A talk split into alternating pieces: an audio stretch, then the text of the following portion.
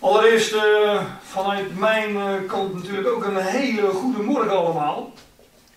Um, ik refereerde net al even in uh, wat meer besloten gezelschap um, over onder de koffie dat, dat het een hele tijd geleden is dat ik hier geweest ben. Ik heb dat nagekeken, dat was 25 september vorig jaar. Dat is echt een poos geleden, maar ja, hoe gaat dat? Ik krijg altijd een mailtje van iemand uit jullie. En uh, ja, dan krijg ik een aantal opties voorgeschoteld en uh, dan is het, uh, nou prik er maar een paar en dat, dat gebeurt dan. En dan, ja, dan kijk je niet echt naar de aansluiting op, op het jaar daarvoor, zeg maar. Dus zodoende is het dan even geleden dat ik hier geweest ben. Um, als u dat fijn vond, dan moet ik u teleurstellen, want over drie weken ben ik hier alweer. Zo gaat het dan ook. maar ja.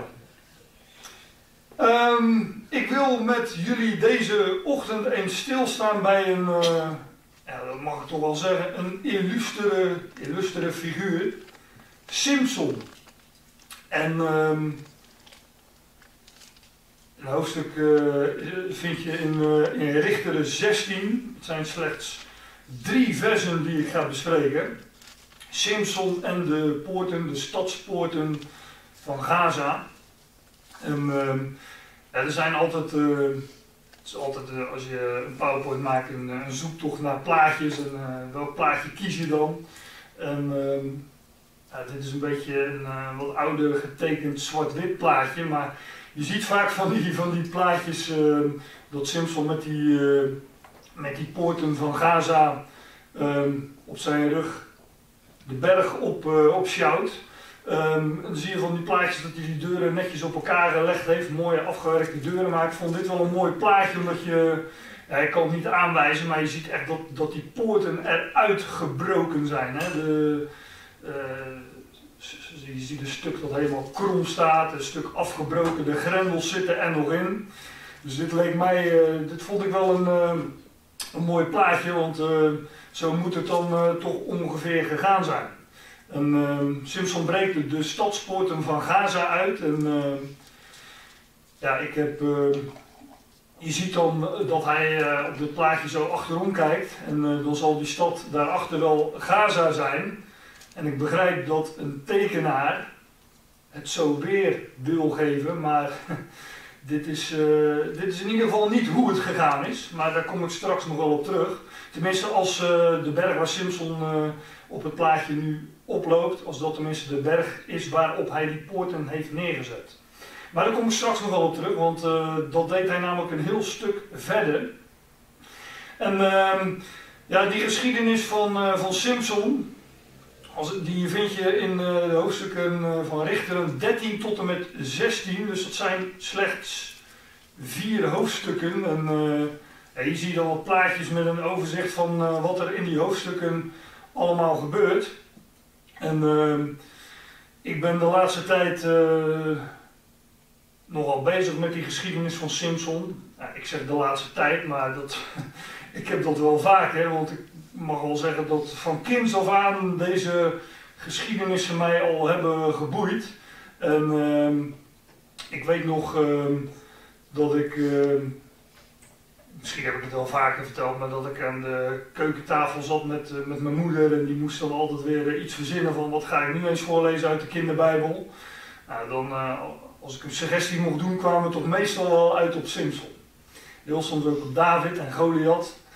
Maar dat zijn, dat zijn geschiedenissen die, ja, die enorm tot de verbeelding spreken. En de, de, de bovennatuurlijke krachten van Simpson, die, die spreken mij nu nog steeds aan, maar uh, dat was als kind al zo. En zeker als je dan ook uh, de diepere lagen daarin mag gaan zien, want daar wil ik het deze morgen toch ook wel uh, vooral over hebben.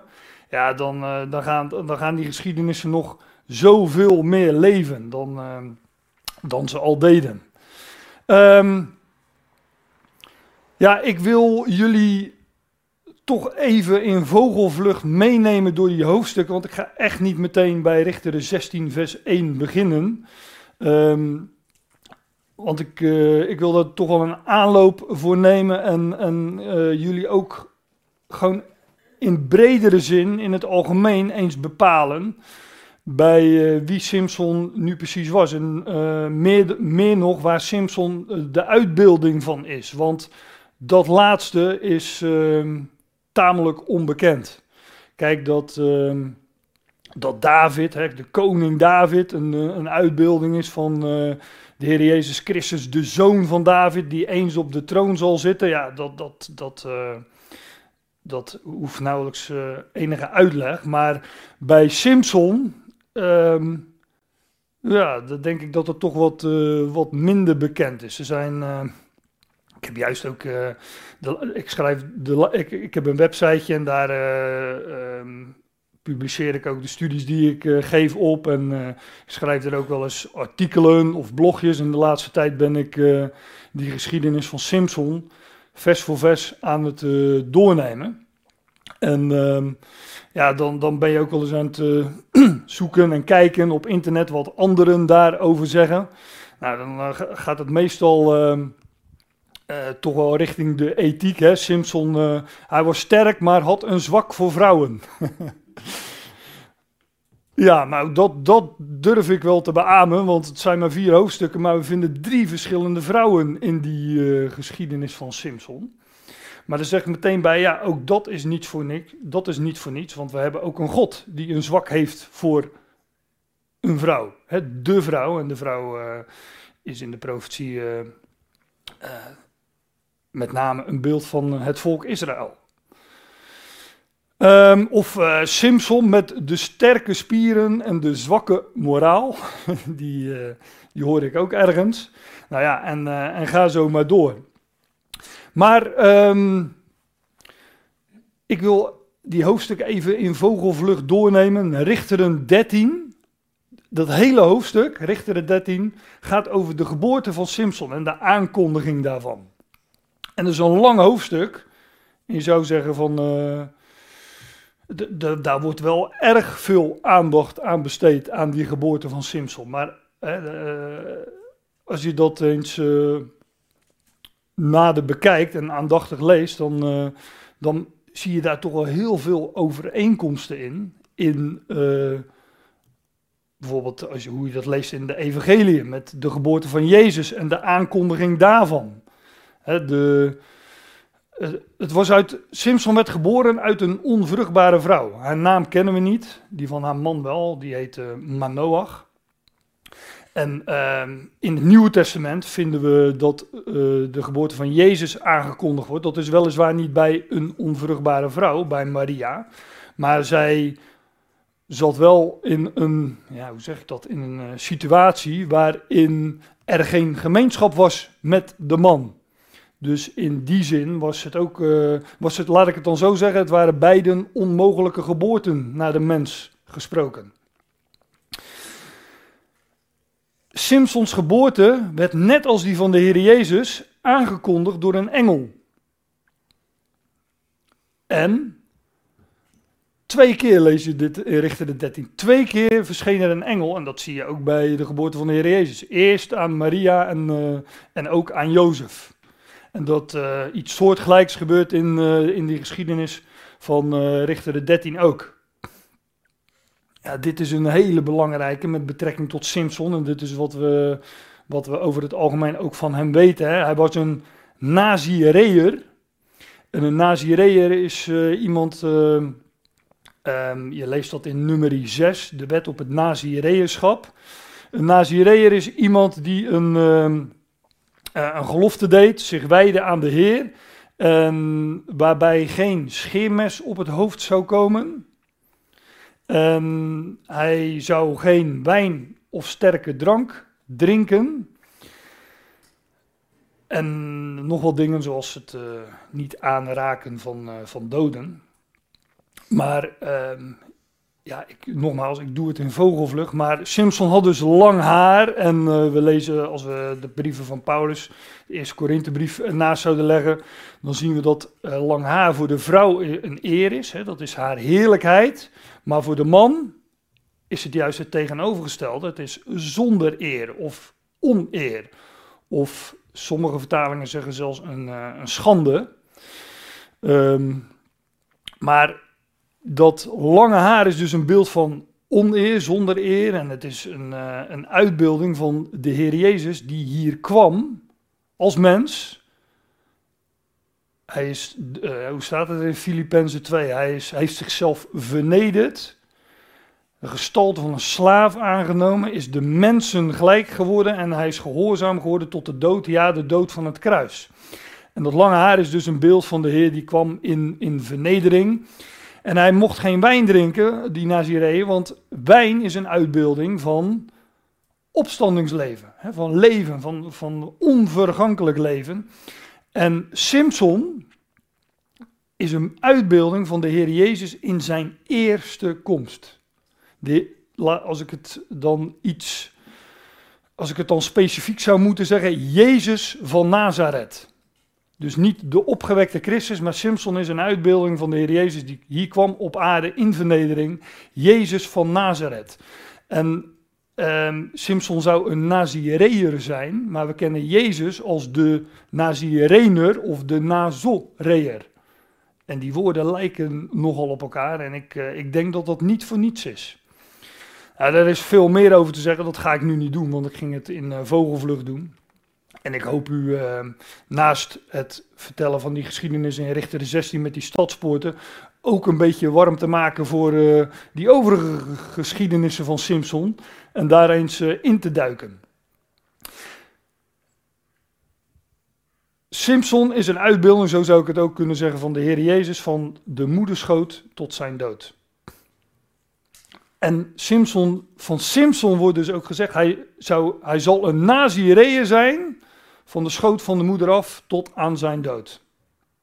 Dus dat Nazireërschap spreekt ook van de Heer Jezus Christus in zijn eerste komst in vernedering. En geen deel hebbend aan het nieuwe leven, aan de wijn, maar komend in vernedering, het lange haar. De moederschoot tot aan zijn dood. En zoals het letterlijk in uh, Richter 13 staat, Simpson zal een begin maken met de verlossing van Israël. Dus Simpson is eigenlijk een, uh, een onvoltooid type. Hij is een type van degene die kwam en een begin maakte met de verlossing van Israël. Namelijk de Heer Jezus in zijn eerste komst. Um, en niet in zijn komst, zeg maar, in verheerlijking. Hè, zijn, wat wij zijn wederkomst noemen. Je zou ook gewoon kunnen zeggen dat de Heer kwam en dat zijn komst is onderbroken. Zo, uh, zo zou je het ook kunnen zeggen. Nou, snel door naar uh, Richteren 14. Ja, dat is ook een lang hoofdstuk. Um, wat spreekt over um, Simpson die een vrouw zag in Timna en die beviel hem wel. En um, hij zegt, ja, zij kwam, hij zei tegen zijn ouders, die wil ik. Nou, zo, zo gezegd, zo gedaan. Er moest een huwelijk tot stand komen. En uh, zijn ouders zeggen dan ook van, joh, uh, zoon, is er niemand onder ons eigen volk en moet, per se, moet je nou per se een vrouw nemen uit dat volk van onbesnedenen? En dan uh, staat er ook bij ja, dat, dat de Heer het, uh, hoe het er precies staat, weet ik niet uit mijn hoofd, maar dat het, dat het was van de Heer, het was van Yahweh. Maar een volk van onbesnedenen, oh, daar had nog een, een stukje achter moeten, dat plak ik er later nog op bij, denk ik. Een volk van onbesneden staat er nu, maar het is een volk van onbesnedenen.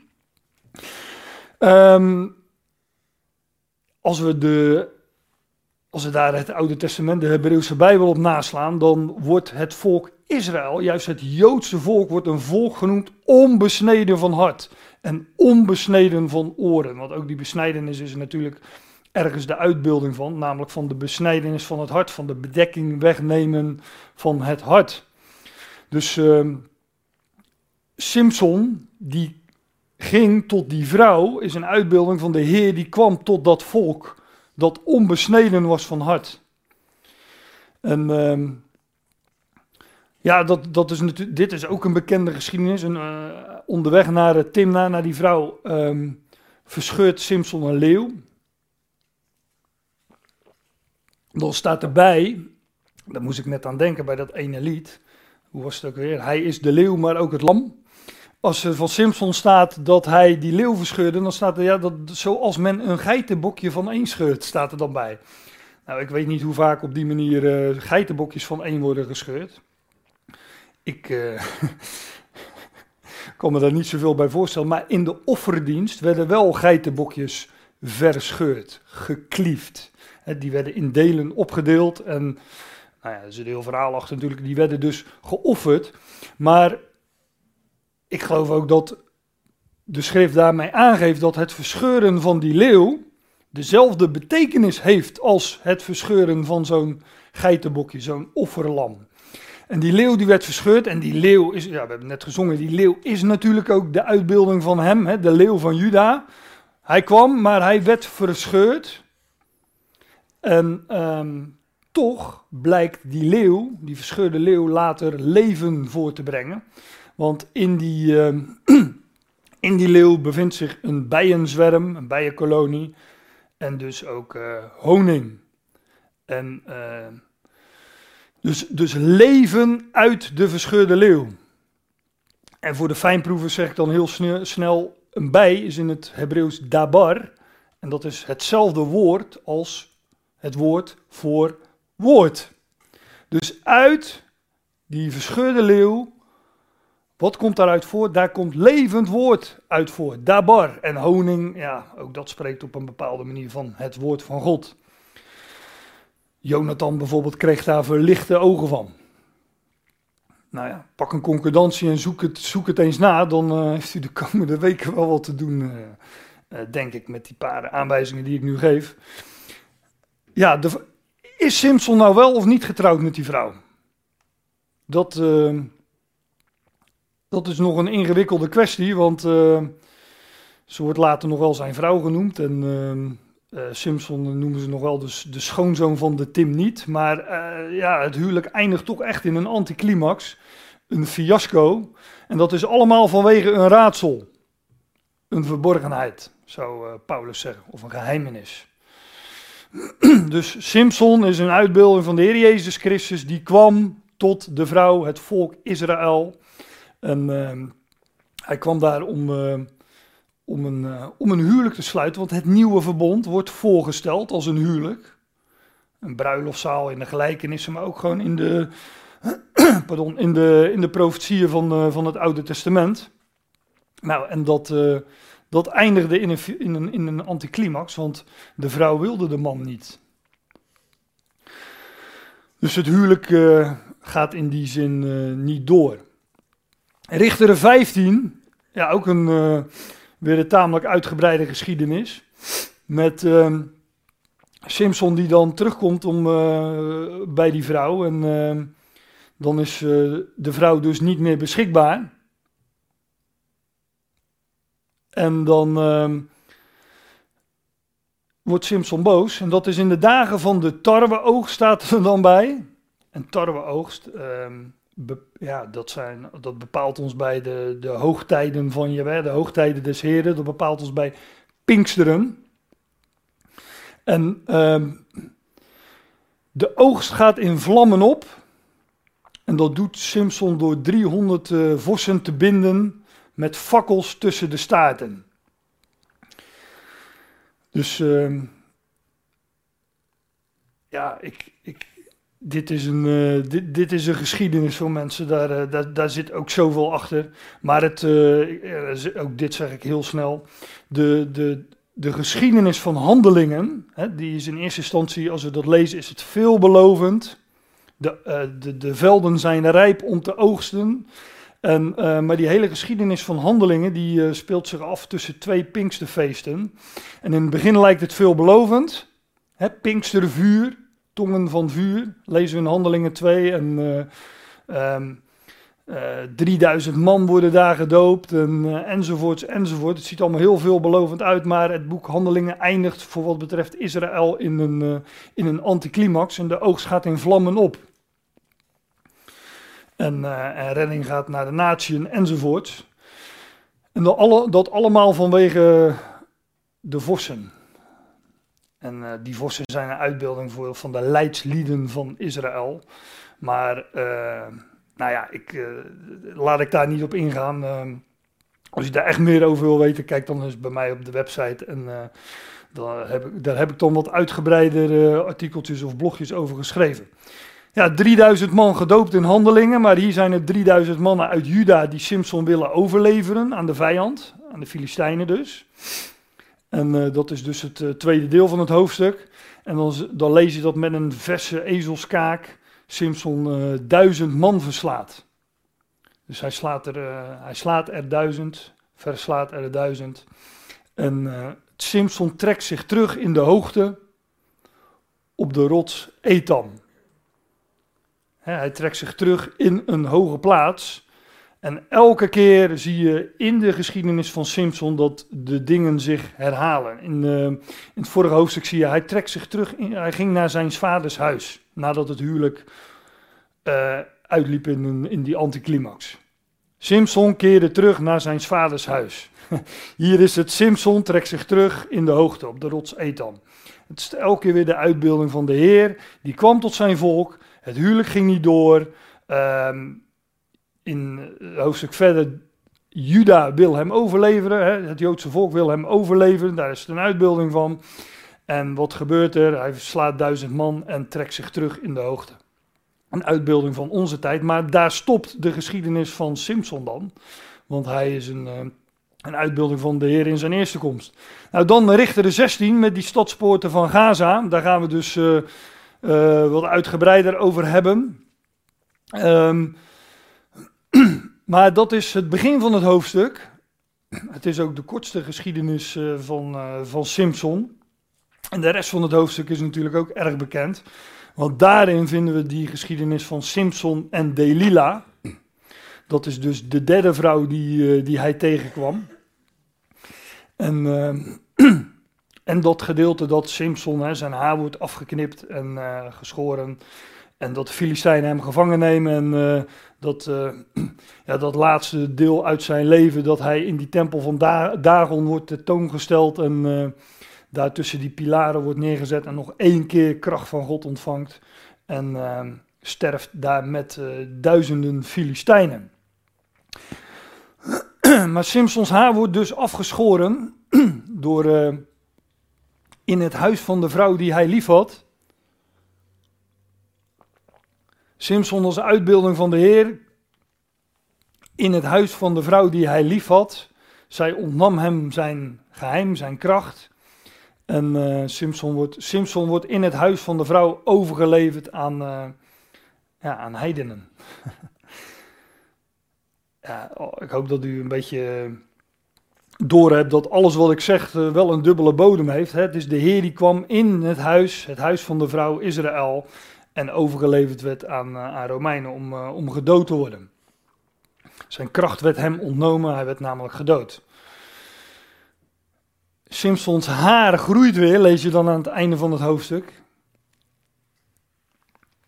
En dat is mooi, want dat, dat, dat, dat, dat, ja, dan denk je van, uh, oké, dan moet er iets gaan gebeuren. Want als je in nummer 6 die wet, die wet op dat fariseeschap, dat heb ik niet eens verteld, maar dat is heel bijzonder. Daar wordt dus gezegd dat degene die een, uh, een belofte doet, um, die zou gedurende de periode van die belofte, zou hij uh, zou geen scheermes op het hoofd komen, geen wijn drinken enzovoort.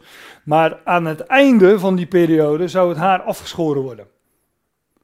En uh, uh, die, die, die wet op dat Nazireënschap, die impliceert dus dat het een, een tijdelijk iets is. Terwijl de enige van waar we echt 100% zeker weten dat hij een Nazireë was, was Simpson, want daar wordt het echt van gezegd. En die was het vanaf de moederschoot tot aan zijn dood, dus gedurende zijn gehele leven. Dat is natuurlijk, uh, ja, dat is heel bijzonder. Kijk, uh, er zijn wel mensen uh, waarvan we kunnen vermoeden dat zij ook uh, onder zo'n belofte stonden, maar nergens wordt dat letterlijk gezegd van iemand anders. Maar Simpsons haar groeit weer en hij vraagt God nog één keer om kracht. Dus eigenlijk heeft Simpson twee perioden van Nazireënschap gekend, zou je kunnen zeggen. En ehm, ook dat is zoiets typerend in die geschiedenissen van Simpson, dat zoveel dingen in tweevoud voorkomen. Ga het maar eens doorlezen en leg er een, eh, een, een papiertje na en ga ze allemaal opschrijven. En ik weet zeker dat je ze de eerste keer er niet allemaal uithaalt. deze bijvoorbeeld is natuurlijk wel een, uh, wat, uh, die zit wat meer verborgen. Maar hij werd gebonden met twee nieuwe touwen. Hij ging twee keer naar Timna. Hij scheurde een leeuw in tweeën. En hij stond tussen twee pilaren. Elke keer worden wij erop gewezen dat, dat het gaat om een tweede. Of om een twee. Of om iets wat zich tussen de twee bevindt. En ik zei net al, um, Simpson is een uitbeelding van degene die kwam om een begin te maken met de verlossing van Israël, hè, in zijn, wat wij noemen zijn eerste komst, maar er zou meer komen, een tweede. En ik geloof dat al die tweevouden daar ook naar verwijzen. Er zijn er twee, of er, is een, er, uh, er, bevindt zich iets tussen de twee, en daar zouden wij, uh, zouden wij aandacht aan geven. Nou, ik zou ehm, Ik zou er heel wat kunnen noemen, maar ik ga snel verder, want anders schieten ze me allemaal te binnen en blijf ik ze noemen. Het zijn er echt heel veel. In die, in die laatste episode natuurlijk, dat laatste deel van Simpsons leven, wordt hij gedemonstreerd, tentoongesteld hè, om, om hem te bespotten. Dat deed men met de Heer Jezus trouwens ook. Hè. Zet hem door een kroon op en uh, gaf hem een, uh, een purperen mantel om hem te bespotten. Maar dat wilde men met Simpson ook doen en daarom haalde men hem in, in dat huis, in de tempel van die god Dagon. En uh, daar verslaat hij dus de, de god Dagon, die natuurlijk ook een uitbeelding is van de god van deze Aion, van Satan. En hij vernietigt zijn huis. En Simpson richtte Israël twintig jaren. En ook dat vind je trouwens twee keer. Dus uh, is natuurlijk ook een uitbeelding van uh, wat de Heer Jezus in zijn eerste komst bewerkte. En uh, wat er zich zou bevinden tussen zijn eerste en zijn tweede komst. Twintig jaren, hè, een uitbeelding van de twintig eeuwen of de 2000 jaar of de twee dagen van 2000 jaar, zoals Petrus dat noemt. Nou, daar uh, moet ik het uh, inleidend uh, bij gaan laten. En ehm, ik heb echt mijn best gedaan om dat zo snel mogelijk te doen. En dat kost me moeite genoeg. Want er valt zoveel over te vertellen. En, ehm, maar dat, dat doen we wellicht een andere keer weer eens. Richter 16, vers 1 tot en met 3, wordt die geschiedenis besproken van Simpson dat hij ehm, ja, een hoer bezoekt in Gaza. En uh, dan staat er, en Simpson ging naar Gaza. Ik zag uh, Rijtse net binnenkomen, toen dacht ik, oh, um, die wees me een keer op. Gerard, het is zo mooi als je aan het begin van de Bijbelstudie die uh, versen leest. En toen die, um, toen die binnenkwam, dacht ik van, hé, hey, dat, dat, ben ik, uh, dat ben ik vergeten. Maar uh, het zijn maar drie versen, Rijtse, dus... En we gaan ze, we gaan ze gewoon even door. Dus elke, elke zin en elke zinsdeel komt wel aan de beurt. Maar uh, ik ben dat dus even vergeten om uh, gewoon het hele gedeelte, wat in dit geval niet zo groot is, om dat even van tevoren te lezen. Maar ik veronderstel het ook wel een beetje als bekend. Simpson ging naar Gaza. Gaza betekent zoiets als sterk, versterkt of een vesting. En ehm, ja, zoals Zoals, zoals de wet ook een, ehm, een, een geheel van wetten en regels is. Een, een, een, een, een, de mens zou beschermen als, uh, als een vesting. Zou beschermen natuurlijk. Maar daar, ik denk dat, uh, dat Gaza daar een uitbeelding is van, ehm, nou in ieder geval van, van Israël, of wellicht in een, in, een, in een wat bredere zin van deze wereld met al zijn wetten en regels en als versterking. Ja, wat de, die, de, de, de wet, zoals die werd gegeven, zoals wij die ook kennen uit de Hebreeuwse Bijbel, is natuurlijk uh, gegeven aan, aan één volk en voor een bepaalde tijd. Maar de schrift noemt dat later wel degelijk de eerste beginselen van deze wereld. Want de wet is, uh, is aan Israël gegeven, maar eigenlijk hangt uh, heel deze, um, deze wereld aan elkaar van wetten en regels. Geschreven en ongeschreven. Nou, ik ben in Den Haag, dus daar hoef ik toch niks, uh, dat hoef ik niet uit te leggen volgens mij. Ehm, het is ook het idee dat hoe meer wetten we hebben, hoe beter we alles dichtgetimmerd hebben en hoe beter we de boel kunnen controleren. Dat, uh, dat, dat, is, het, dat, dat is het idee erachter natuurlijk. Of dat uh, terecht is of ten onrechte, dat laten we nu maar even voor in het midden. Maar ik geloof dat Gaza daar de uitbeelding van is. En dat is wel bijzonder. Gaza is, ja, wij kennen Gaza als een Filistijnse stad. Dat is nog steeds het geval natuurlijk, daar in de Gaza-strook. Filistijns, Palestijns, maar dat is hetzelfde. Uh, en heel de geschiedenis van uh, de Bijbel kennen we dat als een Filistijnse stad. Maar het behoort tot het erfdeel, het lotsdeel van Juda. Lees je in uh, het boek Jozua. En in die zin is het dus ook Joods. Nou, dan, wonen die Palestijnen of die Filistijnen wonen daar ten onrechte, blijkbaar. Nou, ik denk dat uh, Christenen voor Israël daar uh, helemaal mee eens is. maar uh, dat is dus het, ja, over, daar valt natuurlijk veel meer over te vertellen. Maar dat is dus de stad Gaza. Het, en ik geloof dat het een uitbeelding is van, dat het ook een uitbeelding is van Israël, van Juda, van het Joodse volk. In de smalle zin en in de wat bredere zin dan van heel deze wereld. Want hij zag daar een vrouw een hoer. En hij kwam tot haar. Ja, dat is natuurlijk uh, eufemistisch.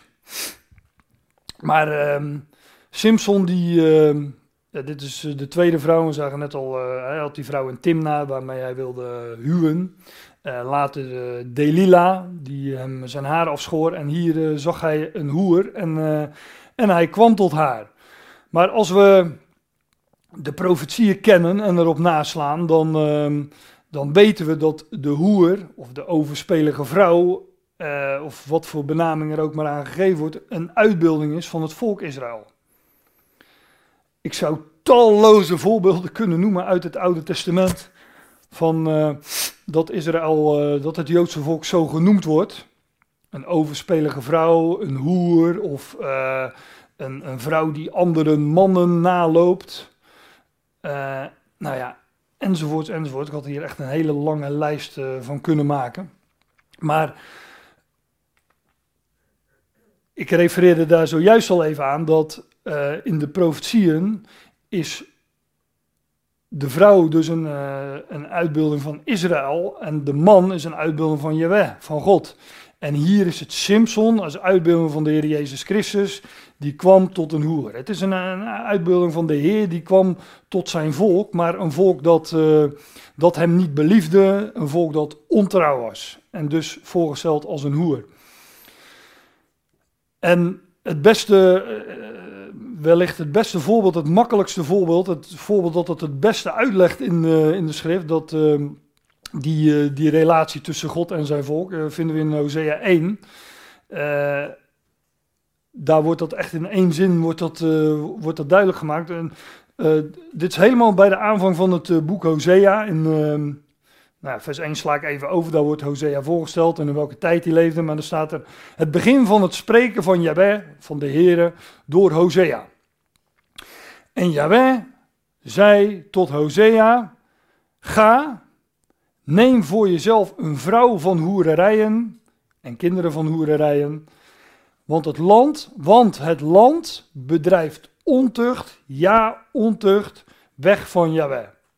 Dus in één zin wordt hier gezegd, Hosea, ik, ik, ik, ik leg het nu meteen uit. Jij bent een beeld voor mij. God zegt tot Hosea, Hosea, je bent een beeld voor mij. Neem je een vrouw van hoererijen, want het land bedrijft ontucht of hoererij. Dus die hoer die jij zou trouwen, die is een uitbeelding van het land. Het land Israël, het volk Israël. En ja, die, uh, het oude verbond is een, uh, is een huwelijksverbond tussen God en zijn volk. En uh, de, de, de vrouw is daarin ontrouw. En, en ook, ook, ja, ook het land Israël, hè, de, de, dat land, is een uitbeelding van uh, van de echtelijke woning.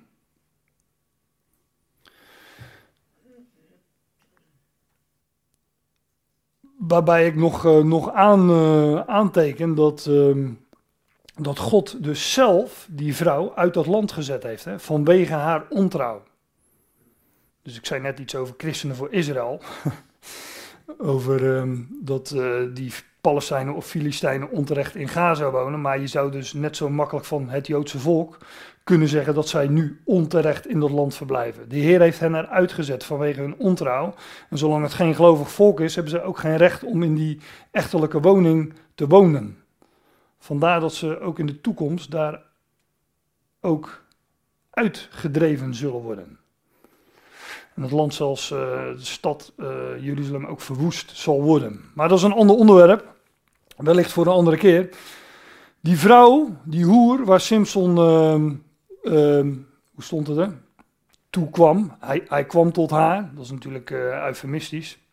Hij zag daar een vrouw, een hoer, en hij kwam tot haar om ja, om een gemeenschap met haar te hebben. En het werd verteld aan de Gazieten, de inwoners van Gaza, zeggend, Simson is hier gekomen. En ze sloten hem in en ze legden een hinderlaag voor hem heel de nacht in de poort van de stad. de poort wordt dus gesloten. Simson wordt, uh, wordt uh, als het ware opgesloten, gevangen. en ehm, ja, dat, dat gebeurt, ook dat gebeurt vaker natuurlijk in de geschiedenis van Simpson. Hè, dat men hem wilde binden. Met touwen, met uh, koperen ketenen. En, uh, daar gaat eigenlijk uh, ook die geschiedenis met Delila over natuurlijk. Van Simpson, hoe, kunnen we, hoe, kunnen, hoe, kan ik, hoe, hoe zou jij gebonden kunnen worden? Vraagt zij elke keer. Hoe zou jij gebonden kunnen worden dat, dat jij je, kracht verliest? Nou, dat is dus elke keer de verkeerde vraag die, die ze stelt. Maar men uh, probeerde hem telkens te binden en dat lukte niet. Maar hier, wordt het, hier is natuurlijk ook een soort van binding. Hè? Hij wordt opgesloten, de poort wordt uh, dicht gemaakt. En zij hielden zich de heel de nacht stil, zeggend, tot het licht van de ochtend. Dan doden wij hem. Ja, wat het idee daarachter is geweest, uh, uh, weet ik niet. Waarom men uh, gewacht heeft tot het licht van de ochtend. Ik zou juist zeggen, pak hem, pak hem in zijn slaap. Dat is volgens mij wat, wat arrestatieteams ook doen. Hè? Die, die vallen volgens mij ook ergens midden in de nacht of voordat het licht wordt binnen. Nou, dat weet ik eigenlijk niet, maar ik, zit nu, ik praat nu over dingen waar ik geen verstand van heb. Ik zie mensen knikken, dus Maar de, ja, je, je, neemt iemand, uh, dat idee daarachter is natuurlijk dat je iemand van zijn bed ligt, zoals hij nog zo suf mogelijk is. En niet als hij al aan het wakker worden is, want dan gaat hij wellicht te veel in verzet. Maar zij hielden zich heel de nacht stil, zeggend, tot het licht van de ochtend, dan doden wij hem. En het, het, het mooie is juist dat zij willen hem hier doden bij het licht van de ochtend, maar Simpson is een type, een uitbeelding van de Heer, die kwam tot een ontrouwe vrouw en, en gedood werd, maar juist bij het licht van de ochtend opgewekt werd uit de dood. Want dat lezen we heel erg vroeg in de morgen, op een van de sabbatten, zo staat het er letterlijk. Die tijd hebben we zojuist uh, gehad natuurlijk op de kalender. Heel erg vroeg in de morgen, uh, die paasmorgen, op een van de sabbatten komen zij, wanneer de zon opgaat, bij het graf. Dus het was echt bij wat, ja, wat men noemt het krieken van de dag de, heel erg vroeg in de morgen. En ehm, ja, zij hielden zich dus heel de nacht stil in die geschiedenis van Simpson en zeiden tot het licht van de ochtend, dan doden wij hem. Maar de Heer stond juist op bij het licht van de ochtend. En ook Simpson, die, uh, ja, die uh, uh, is, is in die geschiedenis, wordt hij dus niet gedood, maar ja, is hij, maar dat lezen we zo al, dan is, is, hij, is hij vertrokken. En zij zeiden tot elkaar, wie zal voor ons de steen afwentelen van de deur van het graf? Dat was dus, uh, um, kijk, die, die, die vrouwen, daar, gaat, daar gaat het over in Marcus 16, die komen heel vroeg in de morgen, op een van de sabbatten, dan komen zij wanneer de zon opgaat bij het graf. En zij zeiden tot haar, wie, zij zeiden tot elkaar, wie zal voor ons de steen afwentelen van de deur van het graf. Want die deur van het graf was een grote deur, een, grote steen. Over, wij denken bij, bij de deur denken we altijd over uh, die houten plaat in de, in de opening. Maar het idee in de schrift is dat de deur is juist de opening. En ehm, de steen is dat wat voor de deur ligt. voor de opening. Maar daar stond, stond een, eh, een, grote steen voor en zij waren niet in staat om die steen weg te wentelen. Dus zij vroegen tot elkaar, nou wie zal voor onze steen afwentelen van de deur van het graf? Nou dat probleem is ook opgelost natuurlijk in deze geschiedenis. Maar dat, uh, dat zien we dus ook bij Simpson. Daar was ook een deur, een poort. En um, die hadden ze op slot gedaan. Uh, met het idee van, nou ja, daar is hij dus uh, gebonden. En um, zij hielden zich dus heel de nacht stil, zeggen, tot het licht van de ochtend. Dan doden wij hem. Dan doden wij hem. Kijk, zij dachten hem te doden. Dat dachten ze bij de Heer Jezus dus. Hè. Zij dachten hem te doden en dat hebben ze ook gedaan. Maar God heeft hem opgewekt. Het aandeel van de mens is dat zij hem hebben gedood. Dat waren ze ook van plan, dat, uh, dat heeft God ook toegelaten, maar God heeft hem opgewekt. En dat is een, ik had het net al even over het boek Handelingen, het is een refrein wat je het hele boek Handelingen doorvindt. Ik heb, uh, ik heb er een paar opgezocht, op een gegeven moment ben ik maar gestopt en heb ik enzovoorts neergezet. Maar talloze keren vind je in, in de toespraken, bijvoorbeeld in Handelingen, van jullie hebben hem gekruisigd en gedood, maar God heeft hem opgewekt. Tot het licht van de ochtend, dan doden wij hem. Zij dachten hem te doden, maar bij het licht van de ochtend bleek hij uh, niet gedood te zijn, maar te leven. En inderdaad ook nog eens vertrokken. Maar daar komen we zo op. Zij hielden zich heel de nacht stil, zeggend: Tot het licht van de ochtend, dan doden wij hem. En Simpson lag neer tot in het midden van de nacht. En hij staat op in het midden van de nacht. Ja,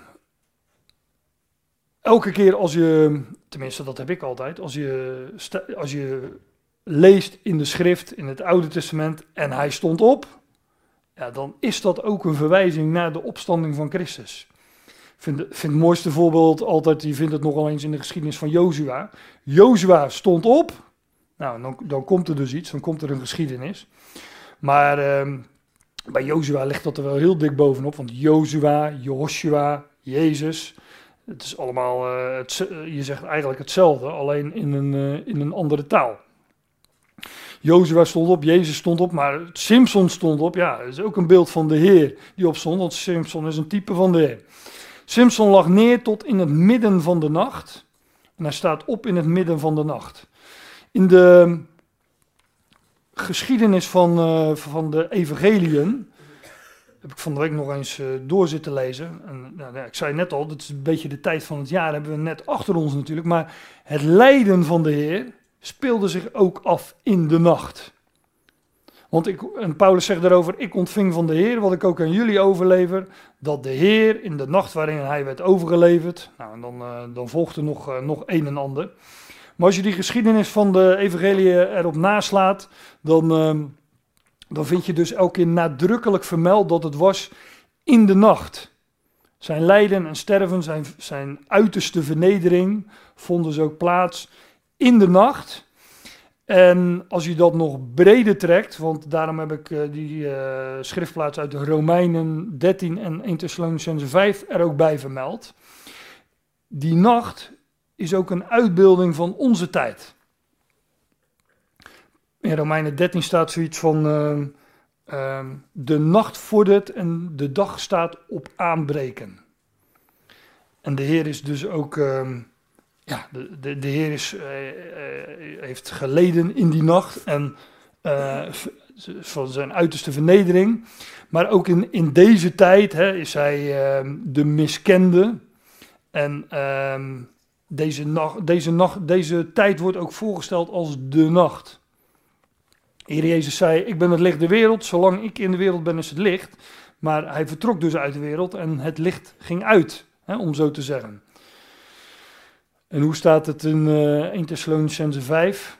Dat de, ja, dat is ook een mooie. De dag van de Heer zal al zo komen als een dief in de nacht. Die dag, de, deze tijd is de nacht, maar wanneer hij zal verschijnen, of wanneer de zon van de gerechtigheid zal opgaan, zo eindigt het Oude Testament, dan zal de dag aanbreken voor in eerste instantie voor Israël, maar uiteindelijk voor, voor alle volkeren. Maar die dag wordt dus de dag, dag des Heren, de dag van de Heer, de dag van Christus. Wanneer het licht gaat schijnen, ja, dat wordt dus de dag genoemd. En dat is, ja, dat is allemaal nog toekomst. En wij leven nog in, een, in de nacht, in, ehm, in een tijd waarin de wereld in duisternis is. Nou, Simpson die lag neer tot in het midden van de nacht. En hij staat op in het midden van de nacht. En hij greep de deuren van de poort van de stad. Ja, die, die, die, uh, in Marcus 16 kwamen ze bij het graf en zeiden: Ja, wie gaat die deur van het graf nou weghalen? Want dat, uh, dat was een onmogelijkheid. Nou ja, hier hebben we het antwoord. Wie, uh, wie haalt die deur weg? Simpson, hè, de sterke held, de overwinnaar, die een uitbeelding is van de Heer Jezus Christus. Hij greep de deuren van de poort van de stad. Zo'n poort zit natuurlijk nog veel meer achter, want een, ehm, een poort spreekt van heerschappij. In, ehm, we lezen bijvoorbeeld in uh, Genesis dat Lot in de poort zat. en dat was niet omdat daar alle oude mannetjes bijeenkwamen om een sigaretje te roken of uh, tabak te pruimen. Dat was omdat daar de politiek van de stad bedreven werd. De, de heerschap, het ingaan en uitgaan werd bepaald, eh, dat is ook zoiets, ingaan en uitgaan, het bepalen van in, en uitgaan, dat is natuurlijk ook politiek. Wie hoort er wel bij, wie hoort er niet bij. En, um, maar een poort spreekt dus ook van, uh, van heerschappij. Dus dat was niet zomaar een. Uh, Lot zat daar niet om. Ja, hoe zeggen we dat? Om, om te socializen om, uh, om wat mensen te ontmoeten. Lot, Lot, zat daar in de poort, omdat hij uh, zich bezighield met politiek. En in, de, in een van de Petrusbrieven lezen, het was de poort van Sodom, hè? En we weten wat voor stad dat was, dat hoef ik niet uit te leggen. Maar er stond dat in, in een van de brieven van Petrus, van Peter staat dat Lot dagelijks zijn rechtvaardige ziel kwelde. Dus hij zat daar in een volstrekt goddeloze omgeving en dat wilde hij verbeteren. Via de, via de heerschappij in de poort. Dus via een, uh, via een politieke weg. Nou, dat uh, wordt hem ook trouwens niet in dank afgenomen. Het wordt tegen hem ook gezegd van, jij bent een vreemdeling en jij gaat ons hier vertellen wat we, wat we moeten doen. Nou ja, dat is, dat is dus christelijke politiek, denk ik altijd. En uh, maar het gaat me nu even om, uh, laten we het niet over politiek gaan hebben verder. Um, maar de, de, de poort is een uitbeelding van heerschappij. En, en uh, Simpson greep die deuren van de poort van die stad, die stad Gaza, die een uitbeelding is van, uh, van, van, van, van, van, van Bet of van Israël, van mij part van deze hele wereld. Hij greep die poort, die heerschappij. En hij pakt die twee deurposten en hij brak ze weg met de vergrendeling. hij greep de deuren van de poorten van de stad en de twee deurposten en hij brak ze weg met de vergrendeling. hij, haalde ze niet netjes uit, hij, rukte ze er gewoon uit. En uh, ja, dat, dat zal best een aardige poort geweest zijn hoor. Dat uh, is niet zo'n. Uh, kijk, wij hebben allemaal van die dunne deurtjes tegenwoordig, want die zijn zo lekker licht. Met twee plaatjes en wat lucht ertussen is het volgens mij. Ik heb er niet veel verstand van, ben geen timmerman. Maar dit waren, dat mag je aannemen, dat, dat, dat waren poorten om, uh, om uh, degene binnen te houden die er binnen moesten blijven. Maar vooral om degene buiten te houden die er niet in mochten komen. Dus uh, dat, waren, dat, waren aardige stadspoorten die men, die men toen maakte. Maar Simpson die pakte zij, greep de deuren van de poort van de stad. En hij brak ze weg met, met vergrendeling en al. He, dus dat slot uh, zat ook nog op slot, vergrendeld. En ja, is in, in, een, wat in een heel ander verband dat, uh, dat de Heer Jezus vraagt aan, uh, aan zijn discipelen: um, wie, zeggen de mensen, wie zeggen de mensen eigenlijk dat ik ben? Nou, dan krijgen ze van allerlei antwoorden van wat men zo al zegt over hem, wie hij, wie hij is. Want dat, men, dat, hij een, dat hij een bijzondere figuur was, dat had men wel door.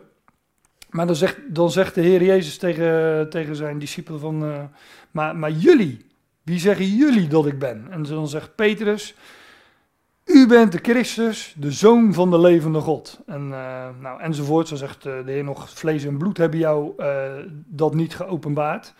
Maar God die in de hemel is. Dan zegt de Heer vervolgens, ik zeg tegen jou dat jij Petrus bent. En op deze rots zal ik mijn ecclesia bouwen. En de poorten van het dodenrijk zullen haar niet overweldigen. En ik zal aan jou de sleutels van het koninkrijk van de hemelen geven. Nou, ook hier zouden we het uh, uitgebreid over kunnen hebben. Dat ga ik nu niet doen. Want wat is die Ecclesia? En uh, wat is dat Koninkrijk van de Hemelen? En wat zijn dan die sleutels? Enzovoort. Maar in ieder geval gaat het hier in de geschiedenis van Simpson gaat het over poorten. En hier gaat het over de poorten van het dodenrijk. Nou, de poorten van het dodenrijk, die uh, kunnen die Ecclesia niet niet overweldigen, maar die konden de Heer natuurlijk ook niet overweldigen. En die poorten van Gaza, die konden Simpson ook niet tegenhouden. Hè? De, de poorten van het dodenrijk. Ik geloof dat die poorten van Gaza ook een uitbeelding zijn van de poorten van het dodenrijk. En die poorten van het dodenrijk, die konden de sterke held, de overwinnaar op de dood, niet houden. En Christus uh, werd opgewekt uit de dood. En uh, in Handelingen 2 zegt Petrus dan tot uh, zijn volksgenoten ook weer, hè, jullie hebben hem gekruist, maar God deed hem opstaan. Of God heeft hem opgewekt. De barensweeën van de dood ontbonden hebbende. Dat is ook mooi, hè? Als je, als je, als je ziet hoe het er staat, dat, dat de dood als een. De, dat, dat, dat, dat, dat, de, dat, dat er wordt gesproken over barensweeën van de dood. Dat er al de belofte in zit dat er leven voortkomt uit de dood. Dat de dood niet het laatste woord heeft. Nee, er komt, komt, er komt leven uit. Wat zeg ik? Barensweeën, dat spreekt van nieuw leven. Er komt nieuw leven uit voort. Hè. We kennen ook allerlei woorden als wedergeboorte, nieuwheid des levens enzovoort. Maar God deed hem opstaan, de barensweeën van de dood ontbonden hebbende, omdat het niet, niet mogelijk was dat hij daardoor zou worden vastgehouden. En Simpson werd opgesloten in die, uh, in die stad in Gaza. En men had de, de, de poorten gesloten, maar die poorten konden hem niet tegenhouden. Die poorten van, het dodenrijk, die poorten van Gaza konden Simpson niet tegenhouden, zoals, zoals de poorten van het dodenrijk de Heer Jezus Christus niet konden tegenhouden. Het was niet mogelijk dat hij daardoor zou worden vastgehouden. En God heeft hem opgewekt. En daar is deze geschiedenis van Simpson ook de uitbeelding van. Hij greep de deuren van de poort van de stad en de twee deurposten en hij brak ze weg met de vergrendeling. Ja, de poorten van het dodenrijk zijn opengezet en uh, ja, daar zou ik uh, heel wat schriftplaatsen natuurlijk kunnen aanhalen uit, uh, uit de brieven van Paulus. Maar uh, hij heeft dus uh, die poort opengezet en in 1 Korinthe 15 lezen we. Maar nu, Christus is opgewekt uit de doden de, de, de eersteling, hè, eerste, de, een woord dat ook gebruikt wordt voor de eerste vrucht van de oogst.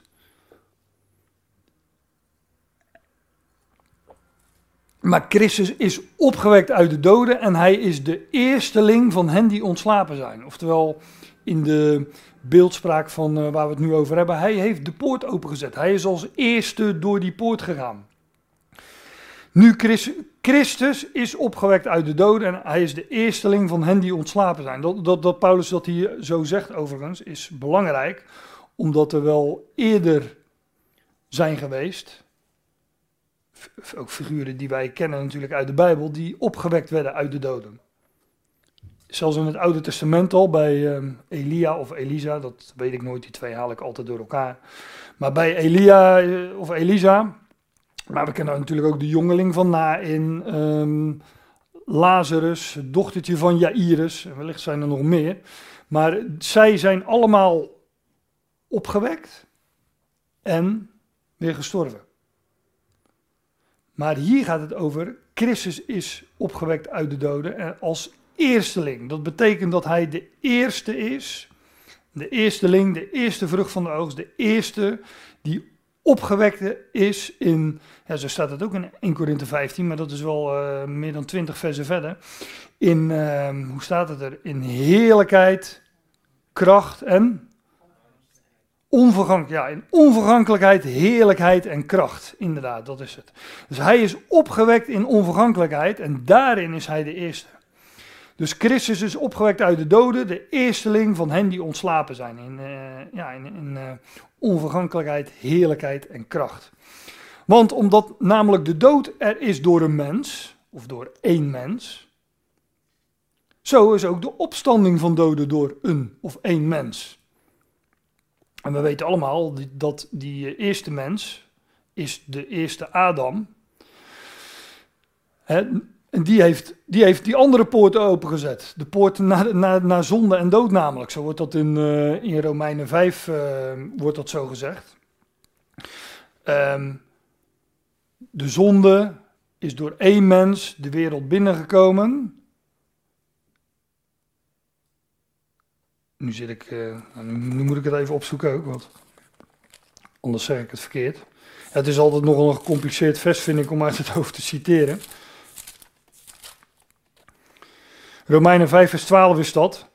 Zoals door één mens de zonde de wereld is binnengekomen en door de zonde de dood.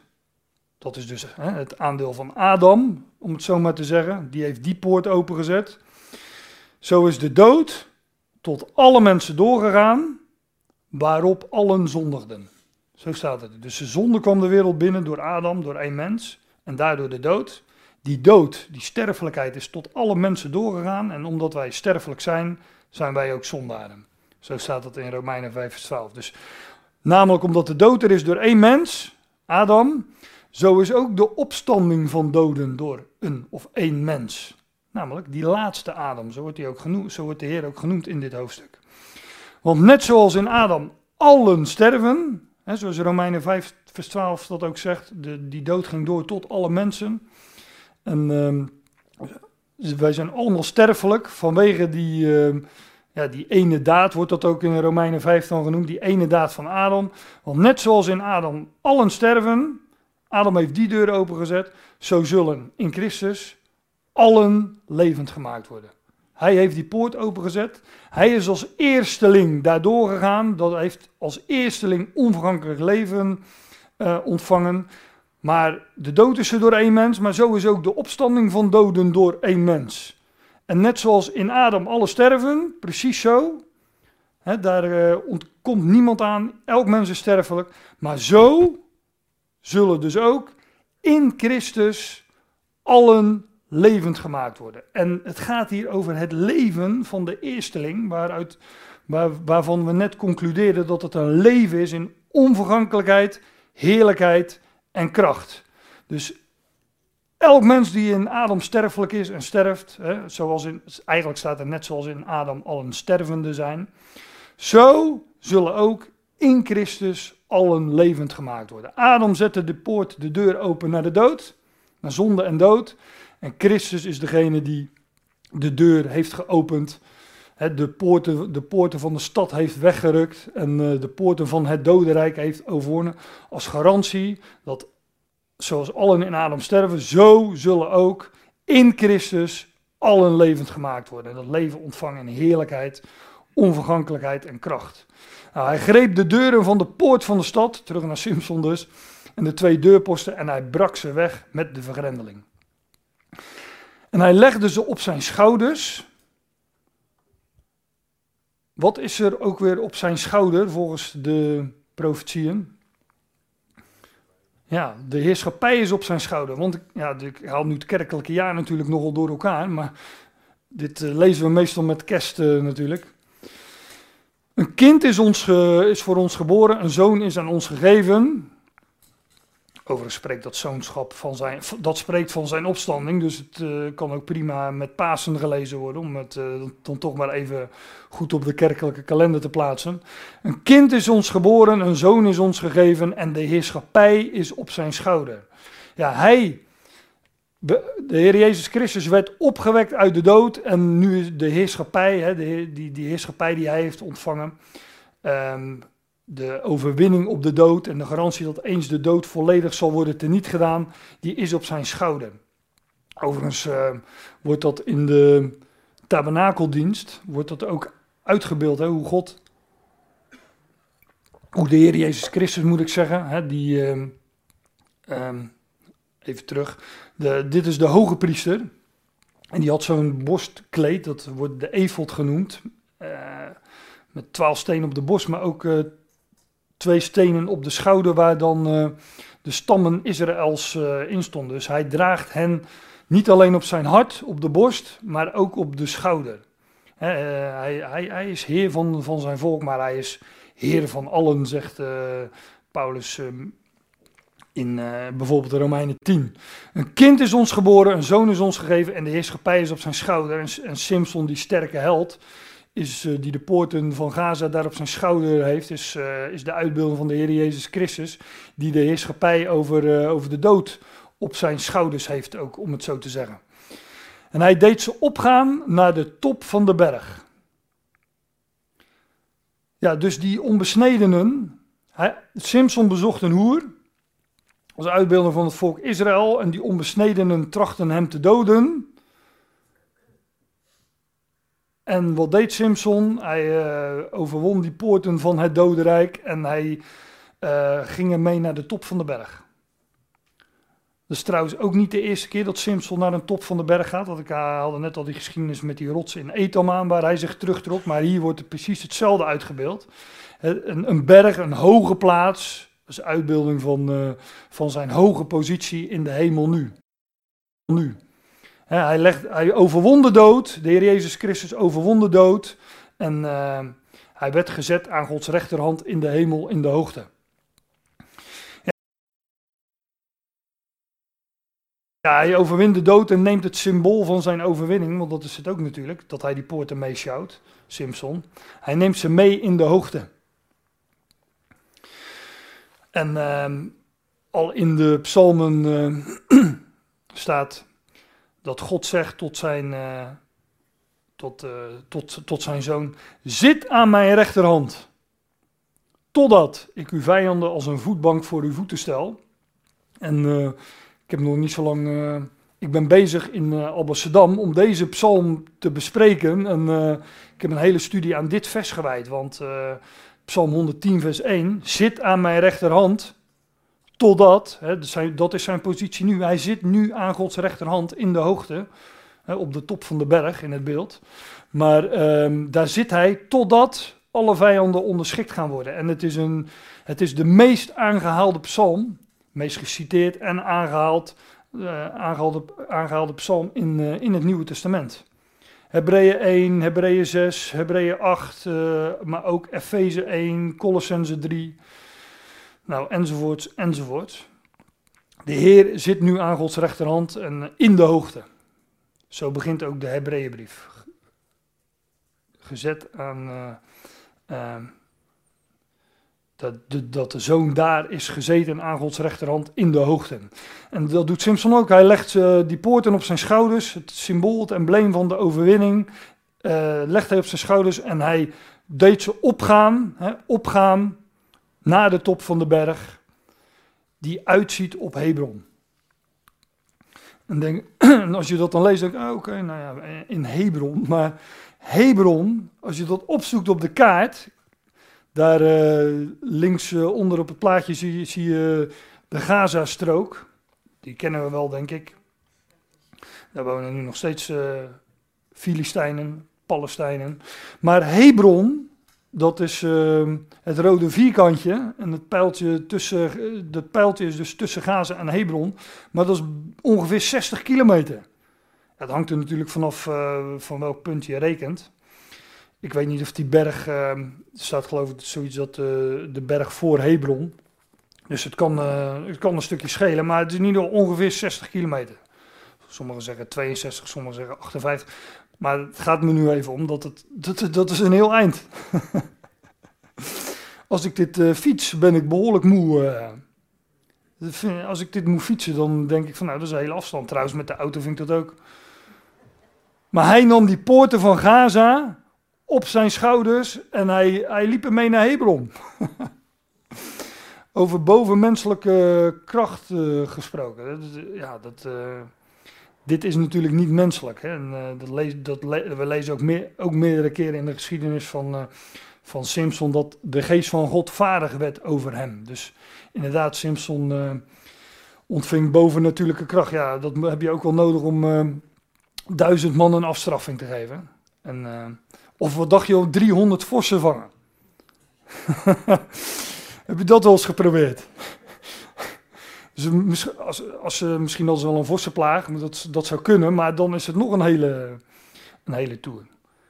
Dat is overigens wel leuk ook als je de commentatoren dan op naleest, die, die vinden daar altijd wel weer wat op. Die zeggen van ja, het zullen wel jakhalzen geweest zijn, want uh, vossen zijn nogal solitair. Die leven in hun eentje en uh, jakhalzen in groepen. Maar ja, vang dan 300 jakhalzen. is dat dan zo makkelijk? Dat zijn toch ook, nou ja, maar uh, Simpson die, die had die stadspoorten op zijn schouder en vanuit Gaza liep hij ermee naar Hebron. Hij deed ze opgaan naar de top van de berg die uitziet op Hebron. Hebron, kijk, hij, hij, Simpson verdween naar een hoge plaats. Hij ging op naar een hoge plaats met de overwinning op zijn schouders. De poorten van het dodenrijk waren overwonnen en, en Simpson als uitbeelding van de Heer verdween naar een hoge plaats zoals de Heer ten hemel voer en nu gezeten is aan Gods rechterhand. Hebron betekent verbond. Het komt trouwens ook nog van uh, het woordje geber of gabber. Dat, heeft, dat is daar ook weer van afgeleid. En dat is weer een, een, vriend. Een gabber is een vriend. Maar ja, vrienden, eh, een vriendschap is ook een soort verbond natuurlijk. Maar Hebron, dat is dus de plek waar de aartsvaders gingen wonen. Abraham bijvoorbeeld, hè, de eikenbossen van Mamre, die, die uh, tegenover Hebron uh, liggen, zoiets staat. Hè. Maar dat, die, die, dat is dus de, de Hebron symboliseert ook de belofte. Hè, als we de, de, die aartsvaders gingen daar wonen en uh, dat deed Abraham ook nog eens bij eikenbossen, wat ook weer spreekt van de belofte van de bedekking wegnemen, hè, de eikel. Um, en de eik uh, is ook het woord voor eet, van Gods beloften. Nou, dat, dat was de plek waar Abraham ging wonen, waar de aartsvaders gingen wonen. Daar staat Hebron dus model voor, voor, voor, het, voor het verbond. Ja, maar niet het oude verbond, maar voor, voor de beloften. En dat is ook weer zo'n uh, een, een, een, een, een, ja, een, dubbele bodem die daarin zit. Dat... ik had het zojuist over um, Gaza dat toegewezen werd aan, um, aan Juda. Maar Hebron was het erfdeel van Caleb. En Caleb was uh, een van die, uh, van een van die verspieders. Van die twaalf verspieders waren, waren er twee die geloofden, die, er waren twee die leefden uit geloof. En die ene was Jozua, nou zijn naam had ik het zojuist al, en die andere was Caleb. En Caleb betekent zoiets als hond. En honden zijn in de Bijbel heidenen, hè, de natieën. En Caleb was ook een, uh, ja, wat was het eigenlijk? Dat had ik natuurlijk even op moeten zoeken, maar het was in ieder geval van origine, van geboorte, was het geen Israëliet. Het was een heiden. De zoon van Jefunne. De zoon van uh, Jefunne, ja. Ja, ja, ja, er zit heel veel achter. maar Caleb was een, uh, was een heiden. En ja, de, de, de, de Heer verdween dus. Hij ging op naar de hemel. En Simpson, die gaat hier ook op naar de top van de berg als uitbeelding van, uh, van zijn. Uh, van, van, zijn, uh, van de hemelvaart van de Heer. Simpson ging op naar de berg met, het, uh, met de poorten van het dodenrijk op zijn rug. De poorten die hem niet konden houden, het symbool van de overwinning. Hij stond op en hij verdween uit het zicht en uh, ging, uh, ging naar, die, naar de top van de berg. En die is op Hebron. Dus dat heeft ook weer met de heidenen, met de natieën te maken. De Heer is nu in de hemel, in zekere zin. Hè? Maar waar is hij nu, zegt Paulus? Het is Christus onder jullie natieën, zegt hij in Colossense 1. Want de redding is nu naar de natieën. En uh, Christus bevindt zich nu dus onder de natieën, zoals uh, Simpson zich hier op die berg bevindt. In, uh, ja, die uitziet op Hebron. Wat, alles, wat ook weer ja, toch iets ook met die natieën te maken heeft waar Caleb uit voort was gekomen. Nou, daar valt natuurlijk veel meer over te zeggen, maar ik geef nu gewoon alleen wat, wat, aanwijzingen, want ik kijk ook op de klok. Het was ook nog een van de vrijsteden, ja, dat heb ik er ook nog bij, uh, bij vermeld. Dus ja, ook dat is een, uh, een verhaal apart. Maar um, onder, toen, toen het land werd verdeeld onder de stammen van Israël, uh, waren daar allerlei Levitische steden, want de Levieten hadden geen erfdeel met Israël. Want hun erfdeel was Yahweh. De Heer zelf was hun erfdeel. Ik hoop dat we onszelf daar ook in herkennen. Hè. Wij delen niet in de positie van Israël, maar de Heer zelf is ons erfdeel. Wij zijn één lichaam met de Heer. En uh, er waren een aantal vrijsteden, zes geloof ik, uit mijn hoofd.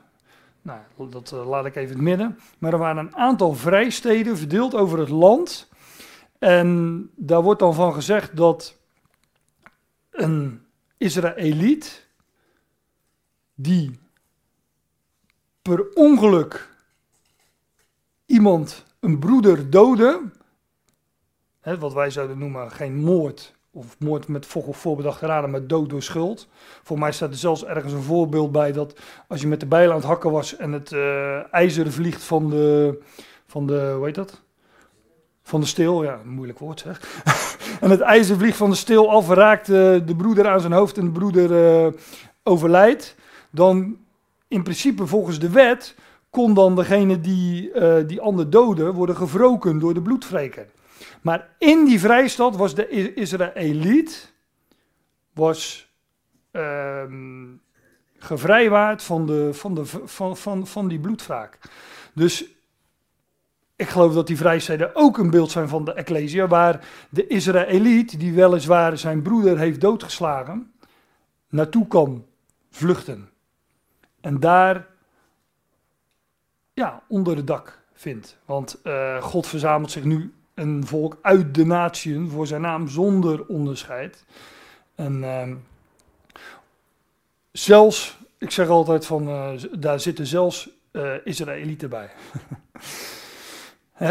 uit alle naties, zonder onderscheid. Dat onderscheid is er gewoon niet. En ik geloof dat dat, dat uitgebeeld ook wordt in die vrijsteden. Nou goed, dit is ehm, het laatste vers van deze geschiedenis van, uh, van, uh, van Simpson, uh, die de hoer bezoekt in Gaza. En ik wil afsluiten met een, met een vers uit de tweede Timotheusbrief van, van Paulus, waarin hij zegt, ja, het is een, een lange zin, dus ik, ik heb hem even doormidden geknipt, maar daar gaat het over de verschijning van onze redder, Christus Jezus, die, die de dood teniet doet en leven en onvergankelijkheid aan het licht brengt door het evangelie. de Simpson is degene die de, de poorten van Gaza, uh, die konden hem niet houden. En hij is een uitbeelding van onze redder Christus Jezus, die de dood teniet doet en leven en onvergankelijkheid, oftewel onvergankelijk leven, zoals dat ook in 1 Korinthe 15 staat. Uh, onvergankelijkheid, heerlijkheid en kracht, die de dood niet doet en leven en onvergankelijkheid aan het licht brengt, de uh, bij het lichten van de dag, door het evangelie.